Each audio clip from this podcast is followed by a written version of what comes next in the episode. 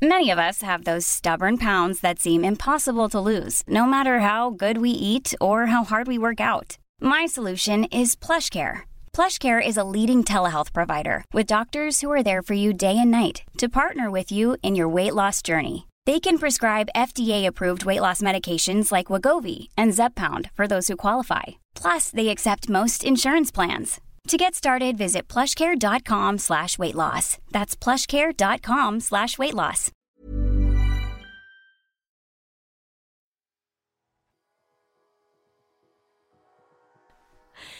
Hej allesammans! Varmt välkomna tillbaka till ett helt nytt, fräscht, rykande avsnitt med mig Agnes.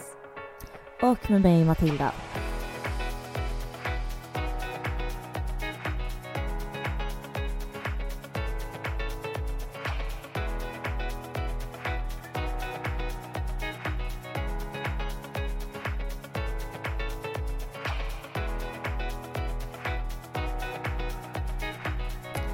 Hur mår du min älskling?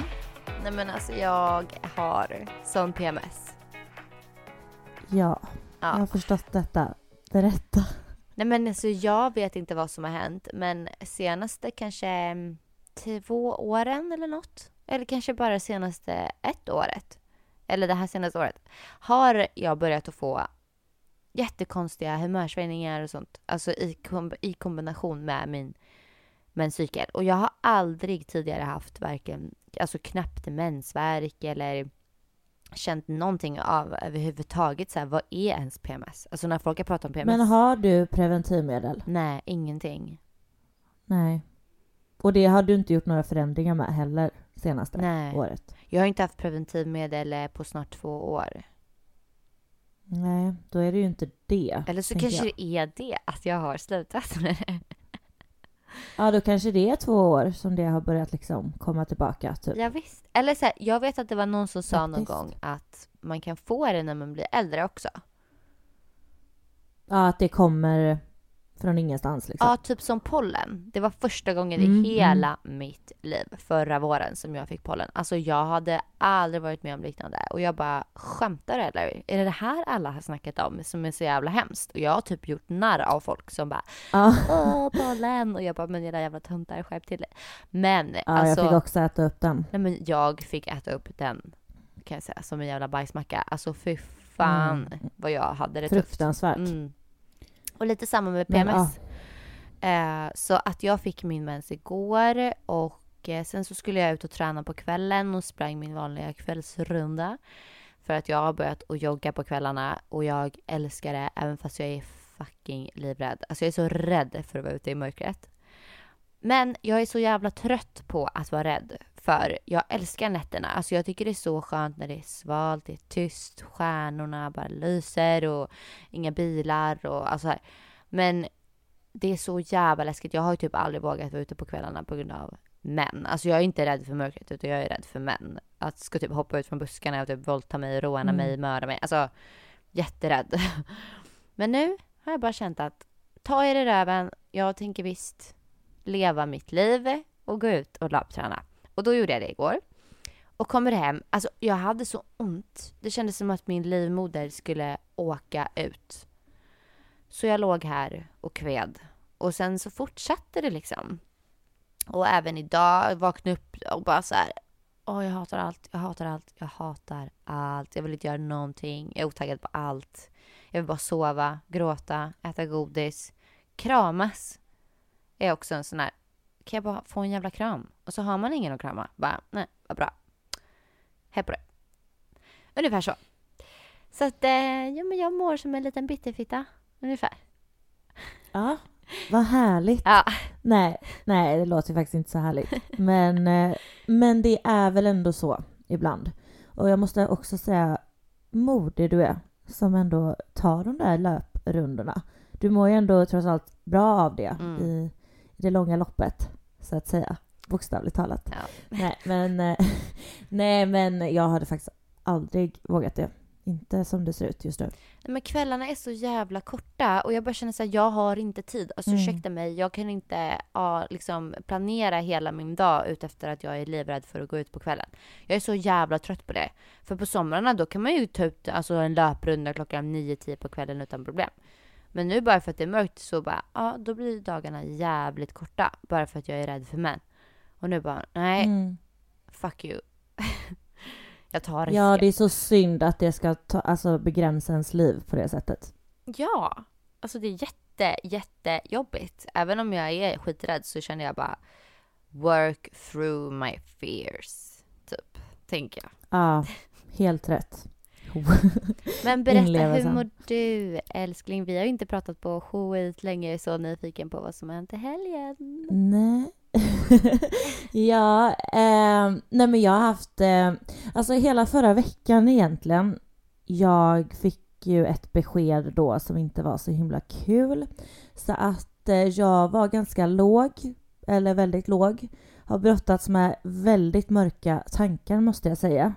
Men jag eh, har haft en fantastisk helg och jag behövde den helgen och har bara varit med fina, fina vänner och eh, jag har firat min vän eh, Alida som har fyllt år. Så vi var och eh, kikade när vår vän spela och sen drog vi och käkade middag. Eh, asgott, asnice. Eh, sen drog vi vidare till taket och var där. Oh my god, jag träffade också. jag sa det till honom, jag bara, jag måste ge en shoutout. Nej men Ike, vet du? Från eh, förra, Oh eller förra, my den god! avbröts ju den eh, Ja, han pussar mig. Hotel-säsongen. Pussar mig. Ja. Nej. jag dör, ja. Eh, ja precis, ja just det, han var ju med där ja. Det, första dejten Ja, han är ju också. mer känd Ja. från första dejten än från Paradise. Ja men typ, typ. Ja. Underbar människa i alla fall. Så att vi eh, stötte på varandra där. Vad Och händer han mer? sa, gullig han, nej men inte så, inte så, nej men han sa att han hade lyssnat på våran podd. Och han har lyssnat på alla avsnitt och tyckte att vi var så bra. Nej, jag blev vad väldigt, söt. väldigt glad. Ja, Ah.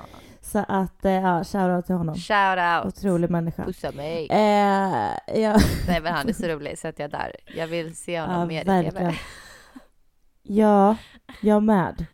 Vill, verkligen. Mm. Eh, nej men så där var vi, eh, det var askul. Och eh, vad gjorde vi sen?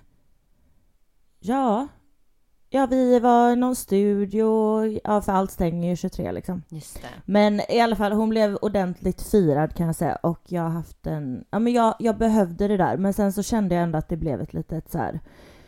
Jag kände ju ändå igår efter man har liksom tömt sig på endorfiner lite och verkligen haft sådär kul efter också att jag kanske inte mådde asbra då förra veckan psykiskt så, så blir det ju kanske ännu mer ett litet bakslag som på söndag när man är liksom Ja men som tur var så, för jag sa det till, till mina vänner att jag bara Jag vill nog inte sova själv i alla fall. Det vill inte jag. Så jag hängde med hem till Jocke och Rebecka och eh, ja, där sov jag och jag var där hela dagen i, eh, igår och eh, kollade på film och myste och sådär. Så att det var faktiskt eh, jättemysigt. Eh, fast jag drog ändå hem rätt tidigt och beställde Max och kollade på Man. Så att eh, ja, idag mår jag ändå bra skulle jag säga. Mm. Älskade Och, Jocke. eh, Ja, men alltså han är... otrolig själ Ja. även där.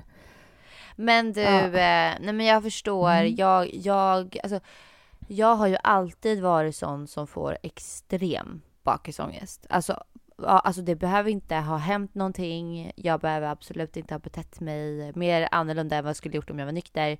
Men jag får alltid Nej. bruttig ångest av alkohol och såna saker. Och um, därför, alltså jag har ju verkligen tagit stort liksom kliv ifrån alkohol, framförallt förra året. Men, eh, men framförallt när man har haft liksom en vecka av mycket ångest så kan det ju ibland vara så jävla skönt också att bara så här, ja men bara ha fett kul, spåra ur och Eh, och verkligen bara känna så här, fan vad roligt vi har nu. Men sen kommer det den här jävla skiten dagen efter liksom. Och jag är så här, alltså det är så fruktansvärt jobbigt ibland. Så bra att du var med dina vänner också. För vi hördes ju inte alls igår. Jag tänkte på det, jag bara shit, undrar om du mår dåligt eller om du bara sover. Alltså så här, att ni kom hem så pass sent och så här. Men så tänkte jag, ah, men vi tar allting imorgon. Men vad skönt att det ändå hade mm. gått bra. Ja, ja men verkligen. Jag brukar också, eller jag brukar inte få ångest, faktiskt inte. Mer i så fall så får jag kanske en kemisk ångest. Jag brukar, det brukar inte alls vara kopplat till, som du var inne på där, vad man typ har gjort eller så. Eh, och jag hade verkligen den bästa kvällen på jäkligt länge alltså, faktiskt. Så att det var liksom inte så, men jag kände typ Nej, ska man bara ge upp då? Ska man bara ge upp livet? Alltså lite sådana tankar kom ändå och det var faktiskt fett jobbigt men jag tror ändå det var lite kopplat till ja men liksom hur veckan var innan liksom. Mm. Men, eh, men annars, ja, jag mår faktiskt, eh, jag mår bra mm. skulle jag ändå säga. Men gud vad skönt att höra. Alltså jag tänkte lite med det här avsnittet, delvis mm. bara att så här, kanske inte ha något så här specifikt tema. Men jag tänkte lite på om vi skulle faktiskt gå in på just ämnet ångest. Och det är många som eh, skriver till oss och till mig och alltså faktiskt ber om hjälp och verkligen så här, vad ska jag göra? Jag håller på att tappa sönder mig själv liksom. Och det känns som idag att det liksom är svårt Alltså eh, egentligen är det inte svårt. Det är typ bättre än någonsin att få hjälp. Eh, men det känns fortfarande ändå svårt. Förstår ni vad jag menar?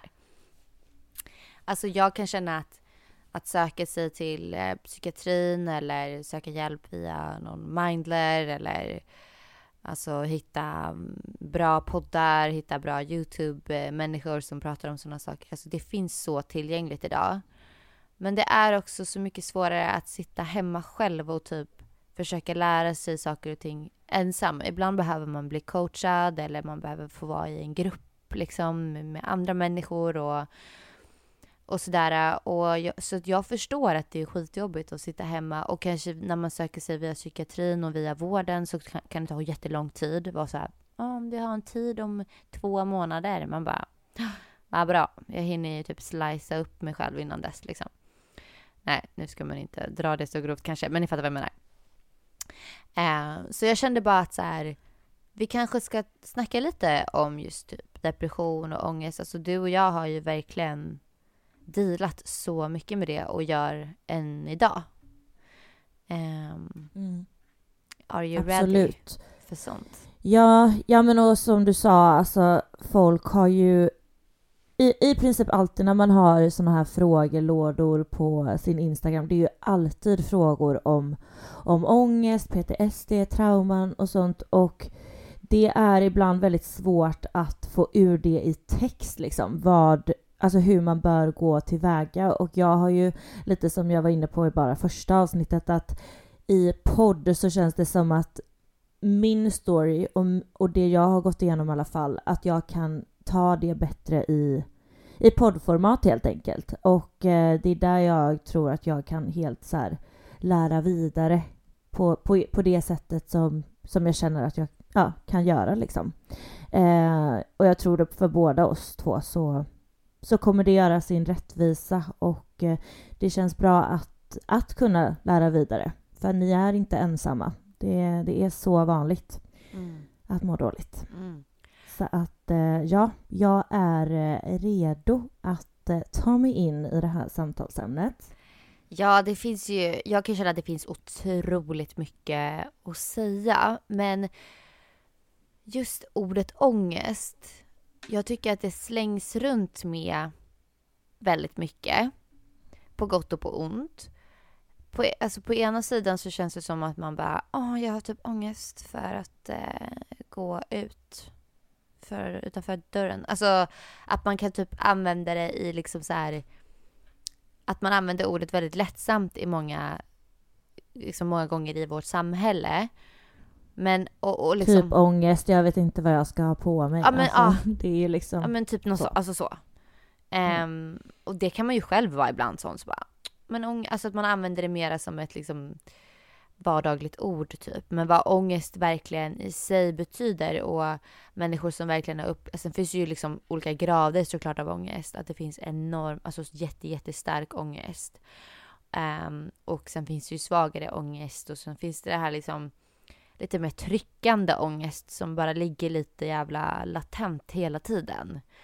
Um, men att det som jag brukar säga ibland när det kommer till ångest för att liksom förstå vad det handlar om. För många kan ju säga att ångest är en känsla. Men jag kan, alltså jag kan ibland uttrycka mig lite grovt med att säga att ångest är en illusion. Och då vet jag att vissa kan vara så här, men gud vad provocerande. Och jag förstår att det kan låta väldigt provocerande, men om man förstår, om man, om man lär sig att förstå vad känslor är och vad tankar är och lära sig att mm, kontrollera dem eller åtminstone göra sig själv medveten om vad ens tankar är. Då är det lätt att förstå att känslor ofta är inbildningar. För att man... Jag vet att jag pratade en del om det om det var första eller andra avsnittet. Just det här med trauman och att man hittar på en story ofta. Eller man gör det hela tiden. Alltså till exempel hjärnan fungerar liksom så. Om jag, om jag säger till dig att tänk inte på en citron. Vad ser du framför dig? Alltså hjärnan fattar liksom inte Mm. ordet inte, utan man målar upp, alltså ma- hjärnan är fantastisk på det sättet och kan måla upp massa olika stories hela tiden. Alltså det är så den typ fungerar och vi ser bilder av saker och vi alltså fantiserar fram olika bilder och filmer om framtiden och om det vi minns, alltså the past. Och sen så tror vi att det vi tänker i våra stories är så som alla andra ser på världen eller tänker på det också. Men vi har ju ingen aning om hur en sam, alltså samma upplevelse, du och jag kan uppleva precis samma sak, men vi kan ha helt olika bilder av hur vi minns det eller målat upp olika framtidsscenarion över hur det skulle kunna förklaras i framtiden om man skulle typ göra det igen eller så här, det här kommer, vi ska åka tillbaka dit igen och så ska vi uppleva det där igen. Då kan man liksom måla upp det på helt olika sätt. Vi kan liksom läsa precis samma bok, men våra karaktärer kommer se helt olika ut och låta säkert helt olika och ha olika kläder och ja, men du fattar, fattar grejen. Och där har man som människa en jätte häftig förmåga att kunna lära, om man, om man kan lära sig att se upp, alltså utanför sig själv, liksom i typ tredje perspektiv liksom. Att det här är vad min hjärna gör. Jag bara ritar filmer hela tiden. Jag ritar filmer för framtiden, jag ritar filmer för mitt förflutna och jag ritar filmer över nu. Men många har mycket svårare att liksom här och nu verkligen vara här och nu. För att tio minuter sen är också redan mitt förflutna. Liksom. Och när man är barn så alla människor är med om olika trauman. Alltså små som eh, stora, alltså det spelar ingen roll. Jag, jag, jag brukar alltid säga det som trauman. Och så gör man sina tolkningar och tolkningarna är den här storyn som man ritar och filmen som man liksom mejslar fram utifrån var man har fötts någonstans, vem man har fötts av, alltså vad man har för föräldrar, vart man växer upp, eh, vilka kulturer det samhället har eh, och hur man liksom reagerar på olika saker utifrån känslor och tankar och vad man har för typ av personlighet liksom som formas utifrån det samhället man är i. Och också hur, alltså så mycket handlar om hur man tolkar saker. Och jag märker ju lätt när jag har ångest liksom att, att nu har jag, nu har jag målat en ny story som, som är till min nackdel. Där jag liksom skiter på mig själv typ. Eller så har jag liksom hoppat in i en gammal story som jag redan har skrivit under kanske 20 års tid. Vi har ju pratat om de här banorna liksom av att man kan gå samma stig hela tiden och tänka i samma tankebanor och aldrig byta stig liksom. Då blir det väldigt bekvämt att vara i de här på samma stig liksom. Och eh, det kan jag ju märka ibland att jag har liksom hoppat dit. Och det är då jag märker att ångesten är ju en illusion. Och typ alla känslor egentligen är en illusion eftersom att man kan framkalla dem. Men det krävs, alltså jag säger absolut inte att det är liksom lätt. Och jag säger absolut inte att det är att, för, att man ska förminska heller sin ångest. För att det är precis lika verkligt som mitt bord här framför mig. Alltså, det, vi har en otrolig förmåga att vara så kreativa i våra hjärnor, att kunna måla sådana stories som vi tror på så hårt så att det blir verklighet. Och när man har ritat den om och om och om, och om igen då, är det, då, då blir det liksom nästan hela ens personlighet. Men det som är så fantastiskt är att om man kan lära sig att se det som att, ja men från ett helikopterperspektiv och se det utifrån, då kan man förstå att okej, okay, det är ingen fara, det här är bara jag som har suttit här nu och ritat den här jävla den här storyn om mig själv. Vilket gör att jag kan ta ett val att liksom nu puttar jag in lite nya detaljer här som att till exempel men det här är faktiskt bara jag som har hittat på det här i mitt huvud. Så nu byter jag ut det till att jag är faktiskt jäkligt bra ändå. Bara jag tänker inte tro på det där. Även om människor kanske har gjort saker och, och att du har varit med om saker, absolut, som har varit för att kanske göra dig illa. Så har det i grund och botten inte handlat om just dig och varför den här storyn har blivit så hårt bekräftad. Men att man idag har verkligen en sån otrolig makt att kunna faktiskt förändra sin story. Och det är typ bland det mest värdefulla jag har när det kommer till ångest. Alltså det bästa redskapet jag har liksom. Gud, jag babblar på. Fattar man vad jag menar? Ja, ja jag förstår ju. Men vi har också haft det här, de här samtalen många gånger. Men jag tycker det där är så, så hjälpsamt och så bra. Och eh, jag skulle verkligen fylla i med det som du ändå sa själv också att våra hjärnor är ju faktiskt, alltså vi har ju alltid makten att ändra storyn. Och jag tror verkligen man ska förstå vikten i det och inte göra sig som en liten biroll i sitt liv liksom, utan jag är huvudpersonen här. Jag, jag har den makten att jag kan skapa min egna värld och drömdesigna den på det sättet som, som jag mår bra av. Och egentligen så är alla de här tankarna och någonting bara en outcome av liksom vad man har upplevt som, som liten och vad man fått höra och det har blivit en sanning liksom. Men det är inte sanningen. Du kan hela tiden påverka den. Men jag kan ju tycka att typ att...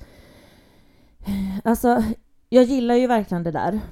Eh, och jag förstår ju det till 110 procent. Och det är ju mer så jag tänker idag. Men typ som igår så hade jag ångest. Och jag brukar inte ha ångest överhuvudtaget längre. Men jag har lidit av det fruktansvärt mycket. Och i många, många, många, många år. Eh, men jag tyckte någonting som min psykolog sa för länge sedan.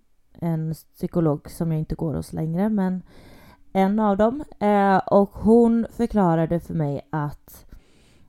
Eh, vad heter han? Ja, men för det är så här enligt Tom Hopkins, no någonting sånt där. Eh, att vi har nio grundkänslor. Och eh, då minns jag att jag...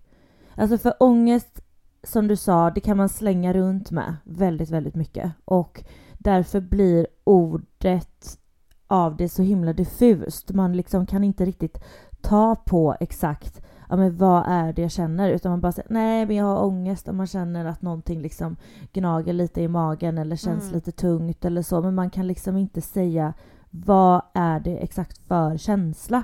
Och det tyckte jag var så skönt när jag liksom fick börja skanna av de här då nio grundkänslorna som som hon sa och jag tänkte att jag skulle dra upp vilka de är för att det här är faktiskt väldigt hjälpfullt och eh, vi kan även lägga ut det i, eh, på poddens Instagram sen, vilka känslor det är. Så kan man göra det här själv när den här jobbiga jävla jävla känslan kommer, för den är inte rolig. Eh, men ja, ett litet tillägg också är ju att det kan ju absolut vara så att det kan vara en kemisk ångest också. Att det är så här, ja, men det kanske inte är konstigt heller om man har liksom druckit sig som ett as eller liksom är känslig för, för det. Men eh, som sagt, då är det eh, känsla nummer ett är äckel, avsmak. Eh, och känsla nummer två är avsky, förakt. Känsla nummer tre är förvåning, överraskad. Känsla nummer fyra är glädje, kärlek. Känsla nummer fem är ilska. Känsla nummer sex är ledsen, sorg. Känsla nummer sju är nyfikenhet, intresse. Känsla nummer åtta är rädsla, oro. Och den sista är skam. Och jag tyckte att det var så himla skönt då, för då, då går man igenom alla känslorna. Och vad heter det när man, det heter typ, inte tabell eller när man typ skannar känslor i alla fall, eller man kan skanna whatever. Jag vet inte um, Vet du vad jag menar? Nej. Men typ att man skriver alla känslor på rak i en linje, alltså nedanför varandra. Och sen så gör man ett streck som är Heter det lodrätt eller? När det bara går rakt. Så, ja. du vet. Mm. Ja. Och då så skriver man från 1 till 10 där nere. Eller så kan man bara skriva känslorna och ja, skriva vilken siffra. Men vi gjorde i alla fall så. Alltså du eh, menar eh, att göra typ en, alltså, typ en graf? Eller alltså... Ja men det är, ja, ja. Det är nog det jag är ute efter. Ja, ja alltså precis. man gör typ en alltså, alltså statistik liksom på... Ja, Ja, exakt. Ja, men heter det inte graf? Jag tror det. Jo, det gör det väl. ja, för jag försökte typ hitta ordet förut också, men ja, ja men där har vi det nog.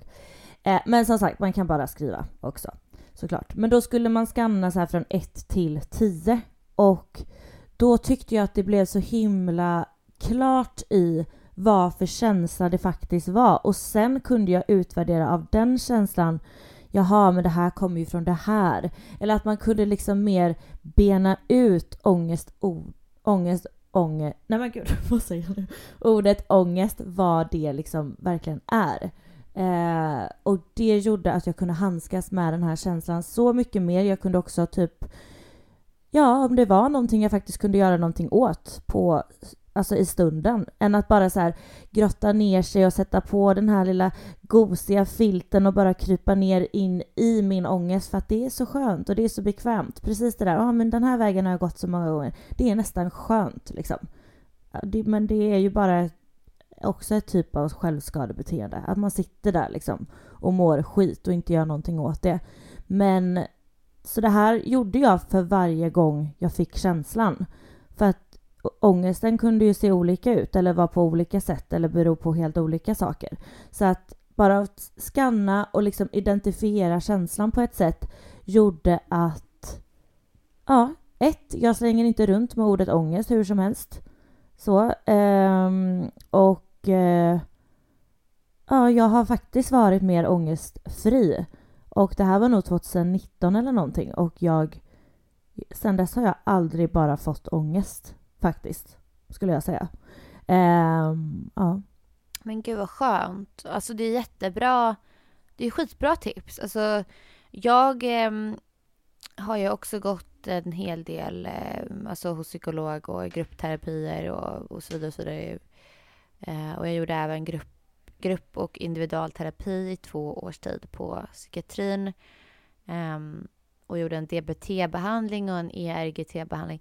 Och då pratar vi också väldigt mycket om känslor och vad de är för någonting och tankar och sådär. Men alltså um, allt som, alltså sen är det också så här, alltså allt som funkar för just dig som individ är ju bra. Alltså så här, vi sitter ju inte här och bara så här ska man göra och så här är det. Alltså det kanske inte alls är så för alla er som lyssnar. Så det, det ska ni också veta att vi har full respekt för. Um, men det här är väl bara mer så som jag och som du har upplevt det och, och precis som, som du säger för dig Matilda så är det ju jätteskönt att en sån, ett sånt tips eller ett sånt system kan frigöra dig så mycket. Jag vet ju till exempel um, vissa, vissa säger ju att det bara finns en känsla till exempel. Vissa säger att det finns två, mm. vissa säger att det mm. finns typ 350 känslor. Eh, det är jätteolika vad man, vad man tror på och jag tror jag tror att jag tror att det finns två känslor. Nej, vet du vad jag tror? Jag tror att det finns en känsla och den är kärlek. Kärlek eller? Kärleken är det enda vi... Alltså den enda riktiga känslan och allting som inte är kärlek det är bara missuppfattad kärlek. Tänker jag. Men å andra sidan så är ju det lika verkligt som kärleken i sig. Om man kanske aldrig faktiskt genuint har upplevt riktig kärlek. Eller förstått innebörden av riktig kärlek. För många gånger när man växer upp så kan man tro att man har vuxit upp i ett kärleksfullt hem. Men många gånger så, och framförallt tror jag i dagens samhälle, jag kan inte svara för hur det var förr, men i de här samhällena och kulturerna där det handlar om att föräldrarna liksom måste jobba och karriär och barnen sitter framför skärmar och man är så himla, himla frånkopplade från varandra. Och att ofta känns det också som att man typ inte liksom uppfyller sig själv förrän man ens skaffar barn. Så att barnet nästan blir en så här, åh du ska rädda vår relation eller du ska, rädda, du ska uppfylla mig som mamma. Jag ska få jag ska bli mamma nu så nu kan jag ha en bra, nu, det är min titel liksom. Det är väl det enda jag kan göra som jag är bra på. Sen kanske man inte är bra på det för att man älskar inte sig själv och då sitter man helt plötsligt där med en, en ny människa som ska fungera på den här jorden och så vidare. Och um, därför så tror jag verkligen att det är så otroligt viktigt att liksom känna och förstå vad kärlek är och det är jättesvårt om man aldrig kanske faktiskt har touchat vad det innebär utan man har liksom under sitt liv bara det här tror jag vad kärlek är. Jag lyssnar ju mycket på en tjej som heter Teal Swan. Tipsar verkligen om henne. Hon finns på Youtube och eh, podcast och hon gör mycket workshops med människor och sådär och hon sa det så fint någon gång att så här, man kanske tror att kärlek är glädje, kärlek är att man känner positiva liksom känslor och tankar kring att vara i en situation eller av en person eller, eller sådär. Men att, att riktig kärlek är när du tar någon annan eller något annat som lika mycket värt eller liksom exakt så som du älskar dig själv älskar du den. Alltså du tar den som din. Ni är liksom ett. Och det kan man ju känna till världen, alltså till alla levande ting. Det kan du känna till en vän, det kan du känna till en kärlekspartner, familj. Men att, att du värdesätter den du älskar genom att ta den som att det är lika mycket du som är den och den som är du. Och det finns inga villkor i det. Det finns ingenting som handlar om att om du gör det här för mig så älskar jag dig. Eller kan du städa? Ja men duktig pojke, gud vad bra, klapp klapp liksom. Eller har du gjort läxorna? Ja men gud vad duktig, ja jag älskar dig, jag är så stolt över dig. Eller har du eh, fixat jobb eller har du köpt en lägenhet eller har du fixat den där utbildningen eller har du gjort, ja men alltså det finns så himla mycket saker som är så här, du gör det där och då är du bra. Och då tolkar mm, man ofta. Prestationer liksom. Eller hur? Mm. Att värdet sitter där. Och vi är så himla präglade i, tycker jag, i vår kultur av att det handlar om prestationer och materiella ting och det är det som gör dig rik och då är du framgångsrik och då har du bevisat för alla minsann hur, hur kärleksvärd du är. Liksom. Älskvärd säger man kanske. Älskvärd du är. Mm. Men det är ju det alla de här rikaste brukar säga liksom att ja, sen kommer man till den punkten då man har miljontals, miljontals kronor på kontot och du mår fortfarande skit. Um, ja. Ehm, och jag tror till exempel det här att aldrig ha varit i kontakt med Gud till exempel. Alltså inte religion då utan verkligen den alltså, riktiga Gud. Om man aldrig varit i kontakt med... Alltså för mig är Gud kärlek. Och det är liksom en vibration typ som finns i precis allt. Och jag minns, alltså det här är typ något år sedan som, det alltså, som jag öppnade mina ögon för, för kärleken. Alltså som jag verkligen kunde känna vibrationerna på riktigt. Och det har typ inte släppt. Jag kan fortfarande verkligen gå runt och bara komma på mig själv ibland att så här, bara, bara älska i stunden. Bara känn kärleken i allt. Och då gör jag det. Och det är helt magiskt. Men, eh, men just det där att komma i kontakt med vad riktig kärlek är, är... Det kanske är så att vissa inte har gjort det, faktiskt. Det tror jag tyvärr inte många har gjort. Det är väldigt häftigt när man väl, när man väl gör det men jag tror att världen hade sett ut så mycket annorlunda om fler människor hade varit i kontakt.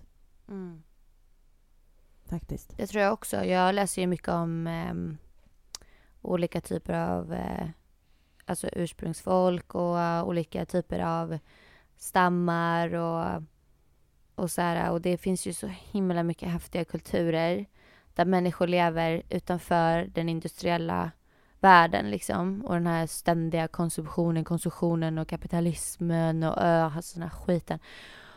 Och det är verkligen så fantastiskt att bara läsa om det och kolla liksom dokumentärer om det. Alltså jag drömmer om att få åka dit och göra, typ, alltså bara få leva med människor som lever som man gjorde liksom verkligen, verkligen förr. Alltså bara så liksom med naturen, Mm. i naturen, med varandra. Och vi är egentligen skapta för att vara med varandra i flock. Alltså vi är verkligen flockdjur. Och därför tror jag också man känner otrolig ångest hela jävla tiden. För att man är så här, åh, liksom, jag ska klara mig själv och jag ska, det är så himla individualiserat i vårt samhälle. Du ska kämpa dig fram, du ska tjäna pengar, du ska lyckas och bam, bam, du ska bara ut med de här jävla liksom fram med de här miljonerna och du ska bara vara så jävla snygg och du ska ha alla de här jävla nya gardinerna och sängarna och bilarna och whatever. Och du ska klara dig själv liksom. Och du, när du kommit dit då kommer du att få massa vänner och så, så här, det känns bara som att vi har tappat bort totalt hur viktigt det är att vara i flock och framförallt nu under pandemin. Alltså det här kommer fan knäcka folk alltså. Och det har ju redan gjort det. Mm. Mm. Och därför tror jag vi, Ja. vi och, alltså som för oss också, jag känner ju det jättemycket nu när jag sitter här nere i Lund eller i Skåne och får inte ens gå på föreläsningar så jag håller på att knäckas av att sitta här själv. Alltså jag blir, jag blir knäpp. Och vi är Jag ett flockdjur liksom. Ja, och även den här känslan och kärleken och tron på Gud, den har ju fått den att känna...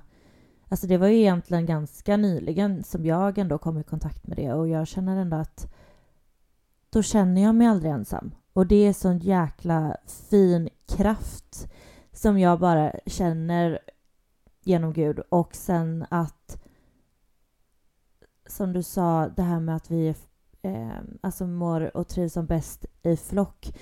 Det är så fantastiskt när man har likasinnade människor i sin omgivning, i sin miljö. Det gör så, så mycket för ditt välmående också.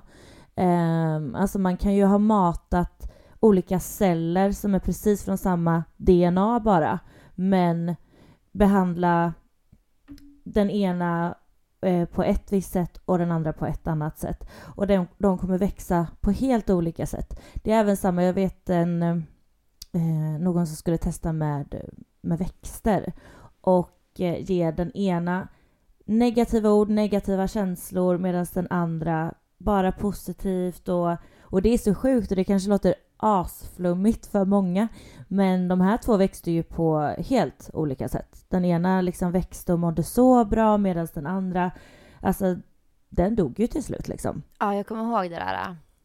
Ja, det är så, så sjukt. Men där, ja, vi ska faktiskt inte... mm, Alltså ensam är inte alltid starkast.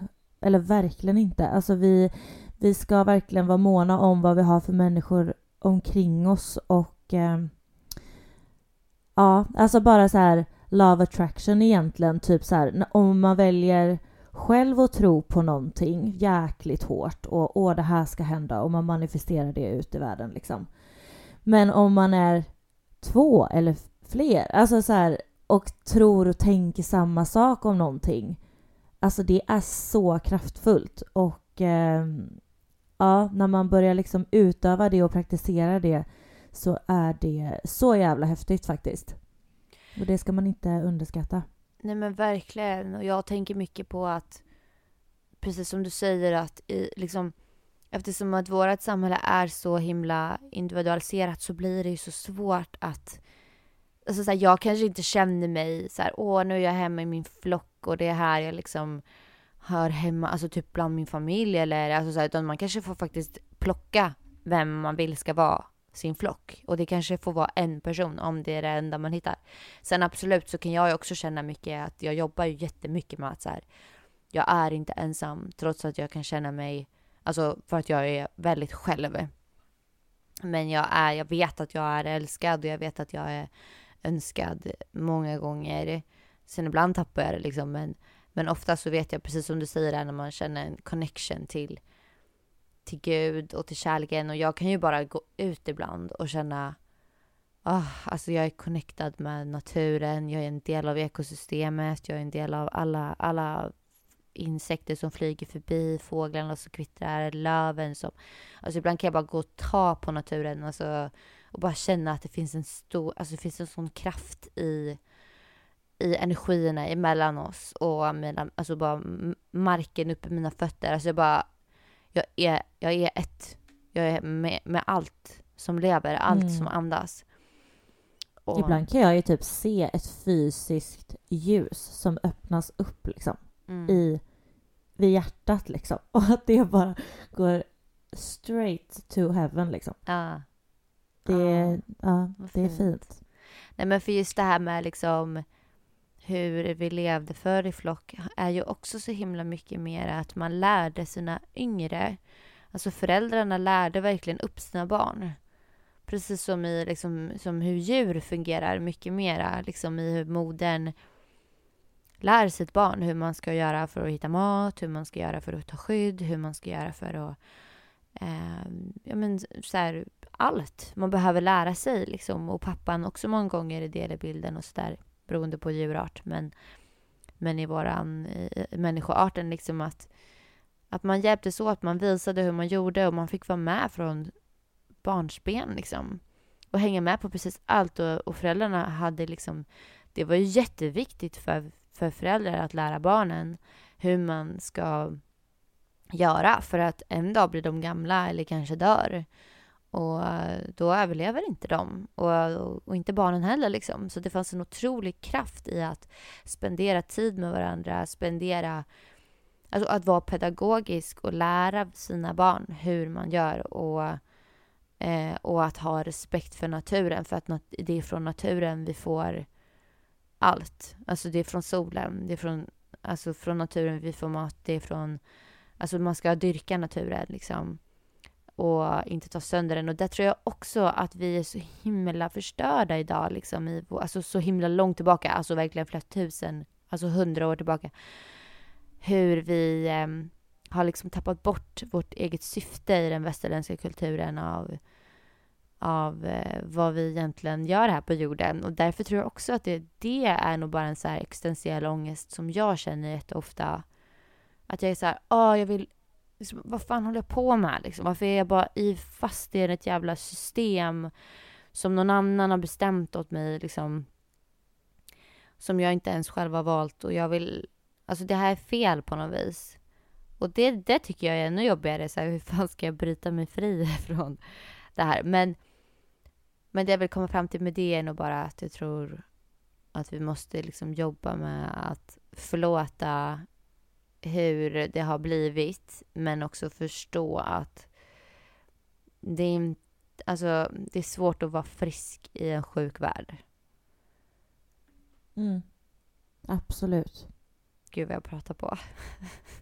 men det är fint och det är bra. Mm. Men vi har ju mycket att säga om det här ämnet. Mm. Men jag tror ändå att vi får runda av för dagens avsnitt och hoppa in i våra quotes kanske. Så får vi ja. prata mer om det här såklart. Ja, det vore så nice att kunna fram. komma med liksom lite mera kanske specifika tips. Men det är så, ja, det, vi får ta det kanske i uh, flera avsnitt framöver, liksom vad man skulle kunna... Det är ju bra det här med grafer som du sa, att man ritar upp. Du kan lägga ut det på Ja. Instagram. Ja, precis. Och sen är ju jag jättemycket, alltså idag har jag ju nog, och det har nog du absolut varit en stor inspiration till i att så här, eh, att man kan byta fokus så himla, himla lätt. Men sen så är jag, alltså det där lever jag efter väldigt mycket mer nu i hur jag har faktiskt makten att ändra hur det här känns och upplevs för tankar och känslor det kan inte våran hjärna riktigt separera ens, eller vad som är vad. Eh, vad som är verkligt och inte. Eh, så att förstå det, det är ett jävla bra tips. Eh, men också, jag är också en sån människa som... Jag, om jag känner någonting, jag förtrycker inte bort det någonsin typ egentligen. Så att jag dealar gärna med den känslan oavsett hur dåligt eller bra den känns. Jag är super i mina känslor och det är såklart på gott och ont men jag brukar liksom känna de känslorna helt och sen, sen släpper jag och sen ändrar jag mitt liksom, tankesätt och mindset liksom, därifrån mer än att, än att jag någonsin skulle förtrycka bort någonting. Sen gör man ju det lite undermedvetet ibland såklart men då kan jag känna att ah, men nu är det nog någonting som ligger här och gror och då plockar jag upp den känslan. Ibland av det där tipset som jag gav där. Att identifiera känslan och sen går jag vidare. Eh, men ja, vi har ju tips liksom. Det, Ja, Det alltså har du vi. har verkligen rätt i, alltså jag kan också känna ibland att, eller jag har börjat med det senare tiden, just det där att okej nu känner jag mig helt jävla eh, skitledsen eller arg eller liksom g- bara grumpy eller vad som helst. Så typ så här, bara försöker just så här, vad är det det handlar om? Och oftast så grundar det sig ju i alltså en missuppfattad kärlek, det vill säga rädsla liksom. Och, ehm, och förstå vad den rädslan handlar om. Men Eh, men idag har jag verkligen också börjat att så här, ja men kom till mig då. Vad är, vad, vad, vad är det du säger till mig? Vad säger mina tankar? Vad är det jag sitter och tänker på här nu utan att jag ens är medveten om det? Och sen välkomna det hellre. Och bemöter jag med kärlek och förlåtelse. mm, exakt. men sen lite så spontana tips kan ju vara typ träna, äta gud, liksom ja. oprocessad mat, alltså laga mat från grunden, umgås med människor man tycker om, ring någon man, man behöver prata med, sova mycket, dricka mycket vatten ehm, och typ så här mysa med sig själv, alltså göra mysiga saker för sig själv. Ehm, och alltså söka hjälp om det verkligen är allvarliga problem Mm. hos eh, psykiatrin och hos vård, alltså vad som helst man kan söka BUP eller vårdcentralen eller Mindler, typ. Ja. ja, men verkligen. Att få en, eh, att ha en bra balans i det också liksom. Även som jag sa, ja, jag går in i mina känslor 100% om det är någonting. Men att veta när jag ska sluta också. För att det kan bli riktigt mörkt om man håller på med det Mm. alldeles för mycket. Men jag kan tycka att det är skönt för att så här, då frigör jag den känslan sen. Mm. Och eh, det är väldigt skönt. Ja, och det har man ju typ lärt sig mycket med åldern att det går alltid över.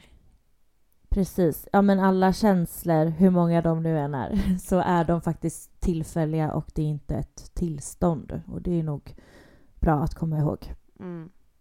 Ja men vad bra. Men ska vi, eh, ja, ska vi rulla in på våra quotes? Ja, det gör vi.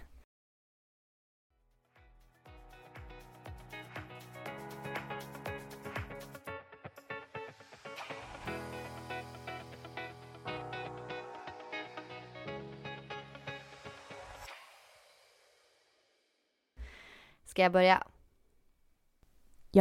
Gör det. Vi ska se här. Jag har ju då tagit ett quote som ja, faktiskt passar väldigt bra in på det vi har pratat om. Det lyder så här. There is suffering in the world and there's a cause to this suffering. And the cause is what we are thinking and believing.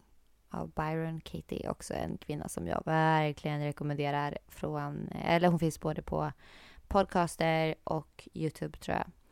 Um, men just det liksom att hon säger verkligen det så himla tydligt att allt är vad vi tror och vad vi tänker. Och jag har verkligen börjat köra in på det spåret så jäkla hårt. Alltså det är så jag kan gå runt och typ skapa fantasivärldar ibland och bara nej, nu är det så här istället. Jag hittar på att jag är den här, den här, den här karaktären eller den här personen eller och bara se hur det känns och våga leka liksom med, med hur, alltså hur långt kan man ta gränsen liksom. Och vad händer? Det där är underbart alltså. Mm. Jag eh, skrev ju ner anteckningar för några dagar sedan och bara så här, ja men drömdesigna mig själv. Hur vill jag vara? Mm. Alltså hur så här. Och det är alltså det är en pirrande känsla. Ja. Det är sjukt alltså. Och det är ju fullt möjligt. Ja, visst, varför inte? Varför skulle det inte vara Ja. liksom? Alltså det är helt underbart nej. och bara känslan av att få lov att tänka det och tro liksom på det. Varför, varför ska man inte göra Mm, det? Även om det mm. inte blir så så behöver man ju inte bli helt jävla asbesviken utan man kan mer bara känna att jag leker med tanken och ser vad som händer. Jag skickar ut det i universum Mm. och det får mig att må exakt. bra så why not? Ja, gud jag blir nästan lite pirrig redan Ja. nu. Ja, det, det är faktiskt underbart. Mm. Bra quote. Tack. Väldigt bra quote. Eh, ja, mitt eh, stämmer väl också in här ganska bra in på det vi är inne på och pratar om. Eh, det lyder You cannot fuck, smoke, drink, shop, work away your pain. You just gotta feel it, let it run through you, let it make you stronger and move on. Rock bottom will teach you lessons that mountain tops never will. Och jag tror faktiskt väldigt starkt på det där. Mm. Det var ju jag ju inne på här precis. Alltså, känn dina jävla känslor. Det är inte alltid positivt att liksom Ja, nej, allt är bra. Jag kör på. Jag gör det här. Och att man liksom håller sig sysselsatt med andra saker eh, än att faktiskt gå igenom det och låta det liksom gå igenom hela kroppen, sitt känslosystem och bara så här gråta ut det, skrika ut det eller känn det bara. Eh, och sen kan man gå vidare. Mm. Jättebra. Jag håller med dig verkligen. Och just det här att Ja, förstå, men att känna känslorna och vad det är man liksom, hur det känns i kroppen men också förstå hur kopplat det är till den här storyn och tankarna. För det har i alla fall, Precis. alltså varför jag i alla fall jag gillar ändå att man kan komplettera de här två Mm. rätt bra. Mm, Eh, och där tror jag ändå att både du och jag har mötts väldigt fint i vår relation också. Ja, för, för mig, varför jag nämner det så mycket är för att det har verkligen varit, alltså det är mitt största redskap. Och det har Mm, varit ett eh, moment där jag upplevde det här för första gången där jag bara fattade, liksom, bara men gud, det är ju bara min story. Alltså det är ju mina Exakt. tolkningar av, mi- eh, liksom, av mina trauman som jag har hittat på en story och trott på den. Och jag måste förlåta mig själv för att jag har trott på den så jävla hårt och byggt hela min personlighet på det liksom. Och nu måste jag bara reconstruct och göra en ny story. Exakt. Ja. Och det, för det har verkligen förändrat hela mitt liv liksom. Mm, det är en otrolig nyckel, verkligen. Mm. Ehm, för som du säger, alltså det blir, det blir ju verkligen en aha-upplevelse nästan när man liksom Jaha, men är det så? Mm. Och att man har varit så inkörd i det där och att faktiskt väldigt få pratar om det. Mm. Att vi, vi har alltid möjligheten till att skapa en, en ny historia, en ny väg, en ny stig i skogen. Eh, att börja trampa på och gå på så att den blir den bekväma vägen. Liksom. Mm. Det handlar bara om det, att få liksom, gå den stigen så många gånger till slut att det är det som blir ditt nya normala. Mm. Ja, verkligen. Mm. Mycket vist. Alltså jag kände verkligen att jag har typ pratat mer än halva det här Ja. ja men det, det har pratats. Det Men fick eh, det är bra. avsnitt idag. Ni får... Ja, ja, och jag känner alltså gud man vill bara prata ännu mer. Alltså det, det här känns verkligen som vårt ämne på något sätt. Ja, Eh, ja, det känns faktiskt väldigt bra. det gör det faktiskt. Det känns som, ett, eh, som att det blir ett bra avsnitt ändå. Ja. Även om vi bör bara spotta ut oss ännu mer. Men nu ska vi vara tysta. Ja. ja, men vi får väl avrunda här och gud vad fort det gick. Ehm, Ja, gud ja. Men tack snälla för eh, att ni har lyssnat och jag hoppas att vi ses i nästa avsnitt. Hoppas att ni kommer gilla det här avsnittet och skriv gärna till oss Ja, verkligen. både på vår Instagram, Agnes och Matilda podcast och eller till min Instagram, Agnes von Korsvant eller till Matildas Instagram som heter Matilda Bohall Ja. heter den. Skriv Ja. till oss på DM om ni har typ tips eller sånt vad ni vill att vi ska prata om. Ja, det uppskattar vi verkligen. Tack snälla nu för att ni har lyssnat på det här och eh, ja, som sagt, säg gärna vad ni tycker och eh, så hörs vi i eh, nästa avsnitt. Ha det bäst till dess. Hej då! Ja, puss puss, hej! då.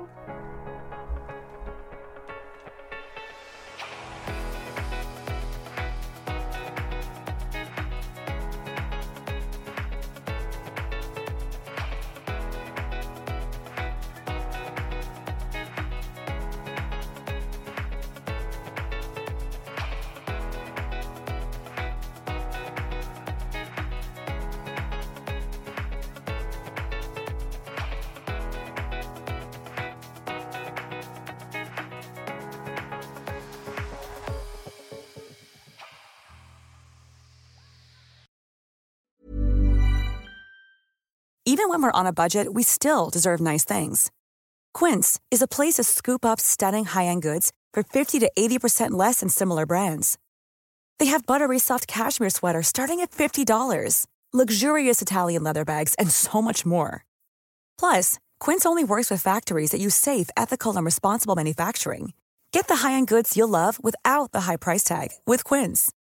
Go to quince.com slash style for free shipping and 365-day returns.